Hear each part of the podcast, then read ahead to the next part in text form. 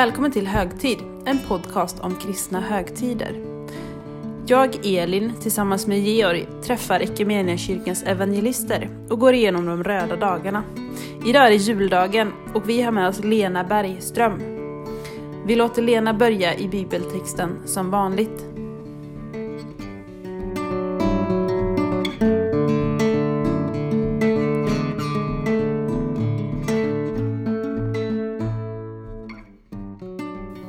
Vi läser julevangeliet från Lukas evangelium, det andra kapitlet. Vid den tiden utfärdade kejsar Augustus en förordning om att hela världen skulle skattskrivas. Det var den första skattskrivningen och den hölls när Quirinius var ståthållare i Syrien. Alla gick då för att skattskriva sig, var och en till sin stad. Och Josef, som genom sin härkomst hörde till Davids hus, begav sig från Nasaret i Galileen upp till Judeen, till Davids stad Betlehem, för att skattskriva sig tillsammans med Maria, sin trolovade, som väntade sitt barn. Medan de befann sig där var tiden inne för henne att föda, och hon födde sin son, den förstfödde. Hon lindade honom och la honom i en krubba, eftersom det inte fanns plats för dem inne i härberget. I samma trakt låg några herdar ute och vaktade sin jord om natten.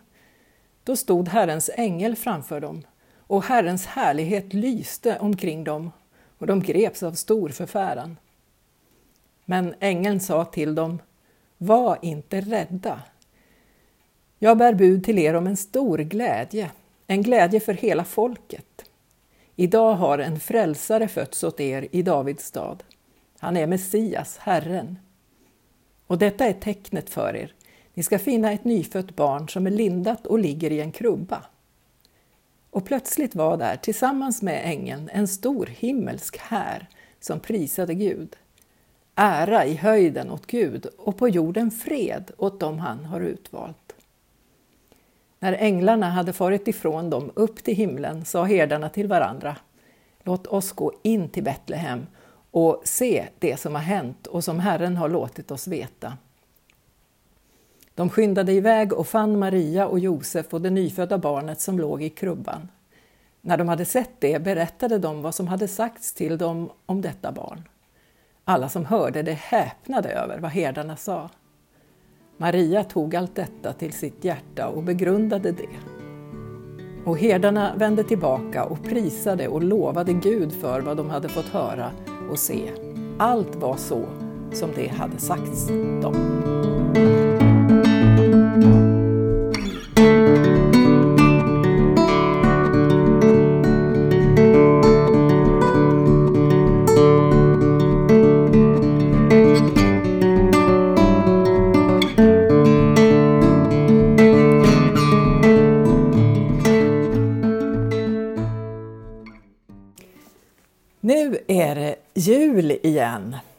Vet inte om du har någon julkrubba hemma. En sån där samling av figurer som finns med i julberättelsen.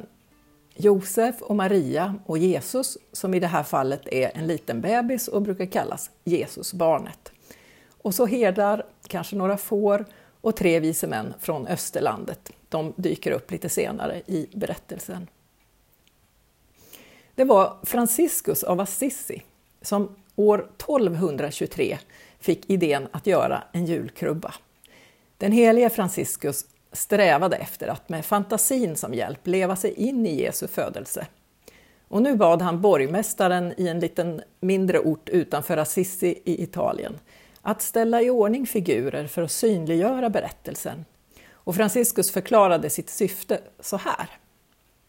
Jag vill i verkligheten framställa åminnelsen av det nyfödda barnet som föddes i Betlehem. Se så mycket som möjligt med mina kroppsliga ögon hur obekvämt han hade det utifrån sina behov som nyfödd. Hur han låg i en krubba och hur han vilade på hö med en oxe och en åsna stående bredvid. Och så gjorde man en krubba, stora figurer, levande djur, och så samlades man vid krubban och firade med sång och musik och Franciscus som predikade. Franciscus själv han hade fötts in i en rik familj men Men han hade lämnat allt han ägde för att följa den här Jesus. Och det var en kallelse som tog form när han mediterade inför en annan bild, bilden av den korsfäste Jesus.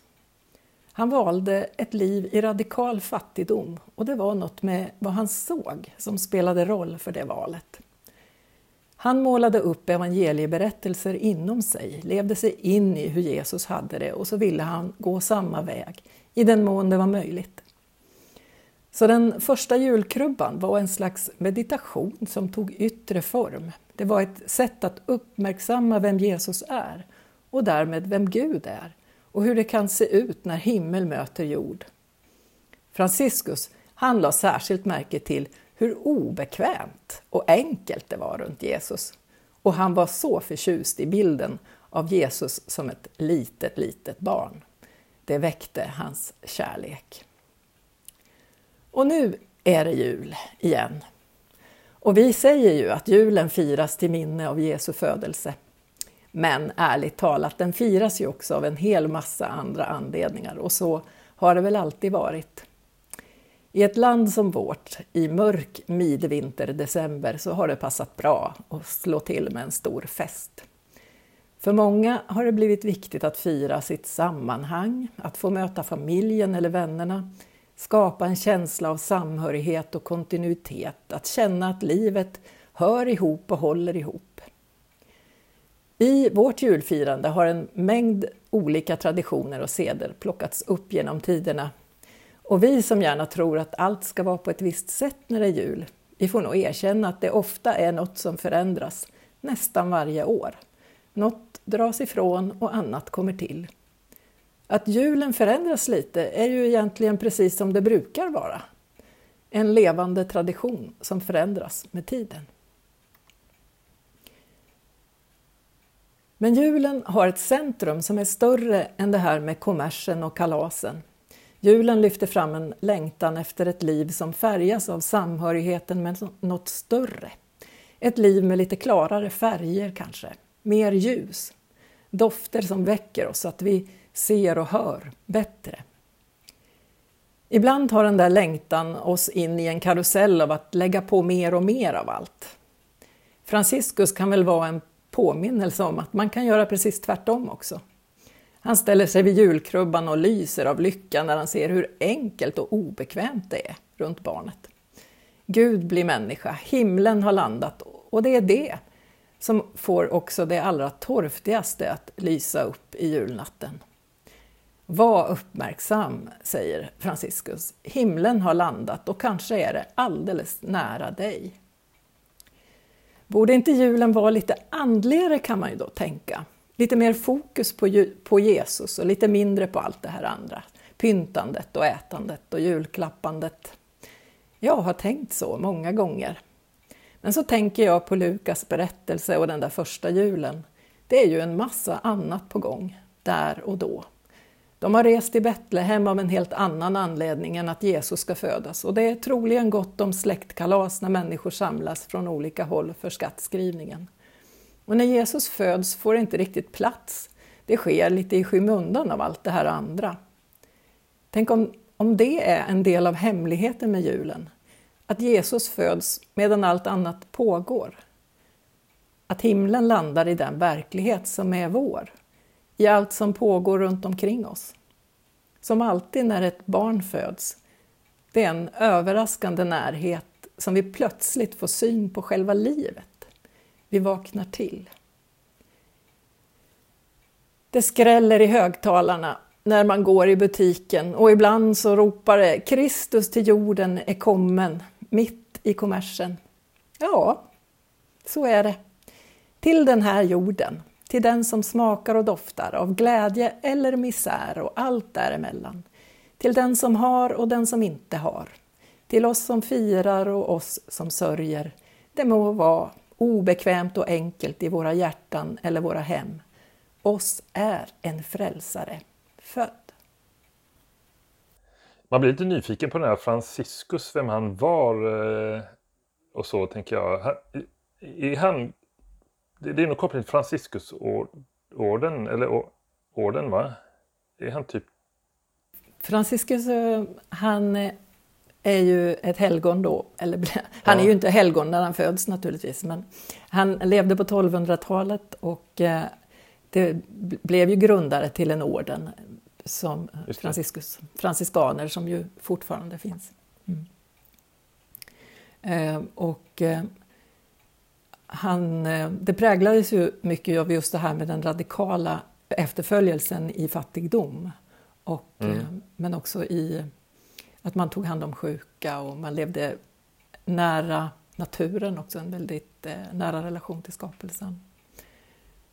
Så, ja. Eh, han kom, han, han var, kom från en väldigt rik familj och sen eh, så, så gör han en sån här omvändelseupplevelse som eh, leder till ett radikalt uppbrott. Så där. Han, han eh, kommer ju i konflikt naturligtvis med sin familj och så kring det. Men eh, det, det blir väldigt många som följer honom. Man kan tänka att 1200-tal Italien, vad var det för tid? Men det, mm. det här var en tid när man på allvar började handla med hjälp av pengar och, och det fanns liksom en, en slags eh, konsumtions... Eh, eh, säga, ett konsumtionssamhälle som växte fram med också mm. ökande klyftor mellan fattiga och rika. Så att, eh, det, är också, det är också någonting av det tror jag som, som gör att Franciscus får liksom efterföljare, ett alternativt sätt att leva. Och han har också en, en samtida, Klara, som, som kommer från en adelsfamilj och som får en liknande kallelse och, och de två eh, grundar ju varsin orden då, båda med utgångspunkt från Assisi, med fattigdom som ideal. Ja, vad har det med julen att göra? Ja, men just den där julkrubban och enkelheten. Mm. Vi som känner dig lite grann Lena vet ju ditt engagemang för ekologi och så. Jag kan förstå att Franciscus är lite grann av en ledstjärna eller också för dig. Ja, definitivt. Det är nog inget tillfälligt att du lyfter honom. Nej, det är en, det är en inspiration. Eh, jag tycker jag det är, är häftigt. Mm. Mm. Men det är också, det är också så eh, som, som också inspirerar mig är att, att eh, både Franciscus och Klara, deras eh, starka engagemang för sjuka och fattiga och för den här världen, det har sin grund i den här enormt, eh, alltså i en, en, närmast en förälskelse i Jesus-gestalten. Eh, mm. Så det, det, det är liksom en väldigt from rörelse om man säger så. Det tycker jag är, är fint att minnas och inte minst då när vi firar Jesu födelse. Om man tittar lite på texten du läste här, julevangeliet, så, så sitter jag och funderar på hur det kommer sig att det är just herdarna som får liksom första, budet, eller liksom första budskapet om att Jesus är född. Liksom. Helt obetydliga människor på ett sätt. Eh, I alla fall inte högst i rang. Eh, men det är de som får liksom glädjebudskapet först. Mm. vad, vad vill det säga oss? Ja, det är väl, det är väl också en intressant fråga. Man, om, om, man tänker också så här, skulle man, ha, skulle ha, man kalla vittnen till en domstol som skulle få berätta liksom, hur det har gått till, så är frågan om man skulle ha kallat herdar som vittnen. Liksom, de var inte så högt ansedda så. Eh, så det är ju mm. spännande att, att änglarna väljer att eh, tala med dem. Men jag tänker att det återigen är på, på samma sätt som det här, det här liksom enkla, det här stallet, att, att eh, bli uppmärksam på det som pågår lite vid sidan om maktens boningar och, och eh, där, vi, där vi kanske söker efter Gud i det som är högt uppe. Eh, där vi blir påminda om att vi ska söka Gud i det som är eh, lågt och litet, kanske. Mm. Men det finns, också, det finns också mycket mer att säga om, om det. Om, om, det finns, står mycket om herdar i Gamla Testamentet och herdar är ju också en bild av, av eh, alltså Jesus som den gode herden. Att Jesus har kommit för att vara en herde för, för folket. Eh, och därmed så är det hans kollegor, herdarna, som eh, också blir uppmärksammade. Så det, man kan hitta lite olika ingångar. Mm. Vi pratade tidigare med en, en av eh, dina evangelistkollegor om detta med ödmjukhet, ödmjukhet inför Gud, liksom det att lita på det omöjliga. Så att säga. Mm. Jag tänker att han måste också någonstans ha gjort det, Franciscus, att lämna liksom den rika, ganska trygga världen och gå ut i så i fattigdom. Liksom. Det måste varit en... Hur, hur vågar han liksom? Och, alltså att uh, ge upp allt det där, det är ju en... Mm. Jag, jag tänker att det kan inte varit så lätt. Det är inte, det är inte, det är inte lätt i Sverige, men jag tänker Italien på 1200-talet måste ju varit en verkligen radikal omvändning han har gjort. Då, som, mm. Och kanske tänka att han kanske till och med lite blev ifrågasatt för det. Absolut. Det, det, det blev han. Liksom, man, och jag tror att det är svårt att förhålla sig neutral inför en sån, eh, en sån handling. Men det, det, mm. ja, tillit. Det, det, det, är ju också fascinerande, det finns ju några fler sådana exempel i historien just där, där det är människor som på något sätt har varit i positionen av att ha allt som väljer att lä det. lämna det. Och, och kanske kan man också tänka att det blir, skulle kunna vara ett tecken för oss att, att det, när man har allt, det är inte där lyckan finns. Det är, liksom, det är ingen lösning på livet. Men vi som, vi, ja, vi som inte vet det, vi strävar alltid liksom uppåt efter mer. Och, och liksom, det finns en slags mm. skenbild i världen av att lyckan finns på toppen. Men i själva mm. verket så, så, är, så, så verkar det finnas en, en, slags tomhet i... Det kan jämföra med... Tänk, tänk eh, ett litet... Eh, jag, minns något syskonbarn som efter eh, en julafton, som, han hade fått den där roboten som han hade önskat sig så oerhört mycket liksom, i julklapp. Eh, och så satt jag med hans föräldrar och, och pratade sent på kvällen och så tassade i, i trappan och så kommer han med den här roboten. Och så var han lika mörkrädd ändå liksom, när det blev kväll. Det var liksom, oh det var liksom samma, fast han hade fått det här. Mm. Mm. Mm. Eh, och, och, och, lite den, den besvikelsen som kan komma ganska fort när man har fått något man önskar sig. Att, att det är inte så där magiskt och inte så där liksom, häftigt. Livet blir inte så annorlunda. Ja, det är någonting...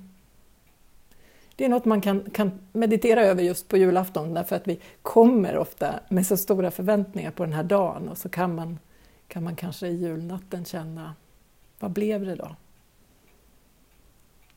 Då tycker jag det är en tröst att tänka som, som eh, Franciscus gör, liksom, se på Jesus där han ligger, hur obekvämt han har det.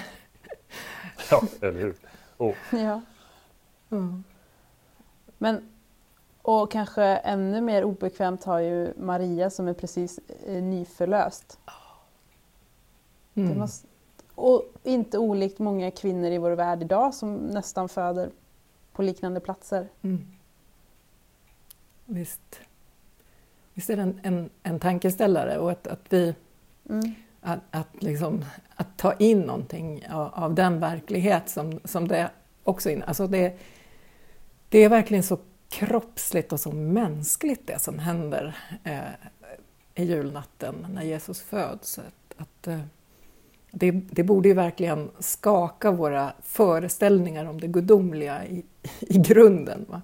Att, vi, att, att Gud blir människa och under de här förutsättningarna. Eh, vad, hur, hur, hur påverkar det mina föreställningar om, om vem Gud är och vem jag själv är och vad det är att tro? Mm. Ja, jag tycker det är en stark berättelse också den om Franciscus. Eh, just att lämna allt. Jag fascineras av det. Eller undrar så över alla hans drivkrafter i, det, i den ja, Mm. Lite grann sånt som man kan också ha brottats med själv av och till. Just att lämna allt och följa och typ ja. de där klassiska orden. Mm. Mm. Vad det faktiskt betyder och att han gör det så konkret. Ja, men precis. Det är lite utmanande. Det är det väl. Att, att, att det är så enklare att sjunga att man lämnar allt än, ja, att faktiskt, ja. än att faktiskt göra det. Nu sjunger vi den sången istället och så avslutar vi, tycker jag. Såklart. Ja. Ja. Ja, men det, det, är ju, det är ju med något med utmanande att möta en sån, sån konkret tillhet, tillit och, och mm. eh, att man tar på allvar orden om att om jag har dig i himlen så behöver jag ingenting mm. på jorden. Eller så saknar jag ingenting på jorden. Och, och, det är kanske bara ett fåtal som, som kan följa på det sättet och som blir tecken för oss andra. Men, men jag tror att vi verkligen behöver de tecken, tecknen. Och vi behöver mm. också vi behöver liksom ställa frågorna till oss själva för att inte, inte förlora livet på det sättet att vi, vi, vi går liksom vilse i det här att, att eh, samla på om det är status eller, eller saker eller goda gärningar eller vad som. Men det, man, kan, man kan säga att, att för, för Franciscus och för Klara så finns det en, en eh, grundläggande tanke om att de vill inte att det ska finnas någonting, det ska inte vara någonting mellan mig och Jesus.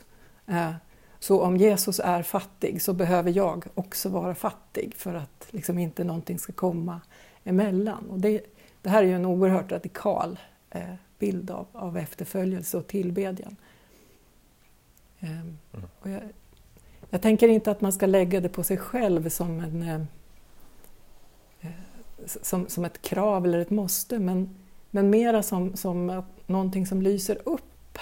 Eh, och, och hur ska man säga?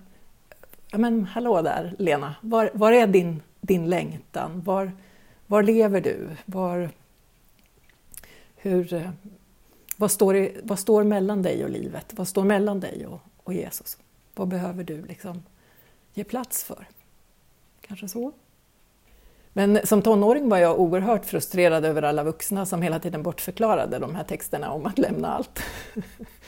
Oh och, och jag, förstod, jag förstod ju att man var tvungen att göra det eh, på något sätt, men, men det blir också... Ett, ett, det, det... det där är ju lätt att förstå som förälder. Jag är också tonårsbarn. Ska de plötsligt komma hem och säga nu ska jag lämna allt och följa Jesus. Då hade jag liksom bara sett, har du tänkt igenom det ordentligt? Exakt. mm. Det är klart att man blivit lite, lite orolig har man blivit. Det är man ju bara, ja. är bara erkänna. Men jag tror att i, i vuxen ålder så skulle flera runt omkring oss bli rätt oroliga om vi kommer hem och säger det nu med. Ja, faktiskt. ja, men visst. Ja, men, visst. Ja, men, men om man tänker om man tänker det här som en bild av Guds sårbarhet i världen.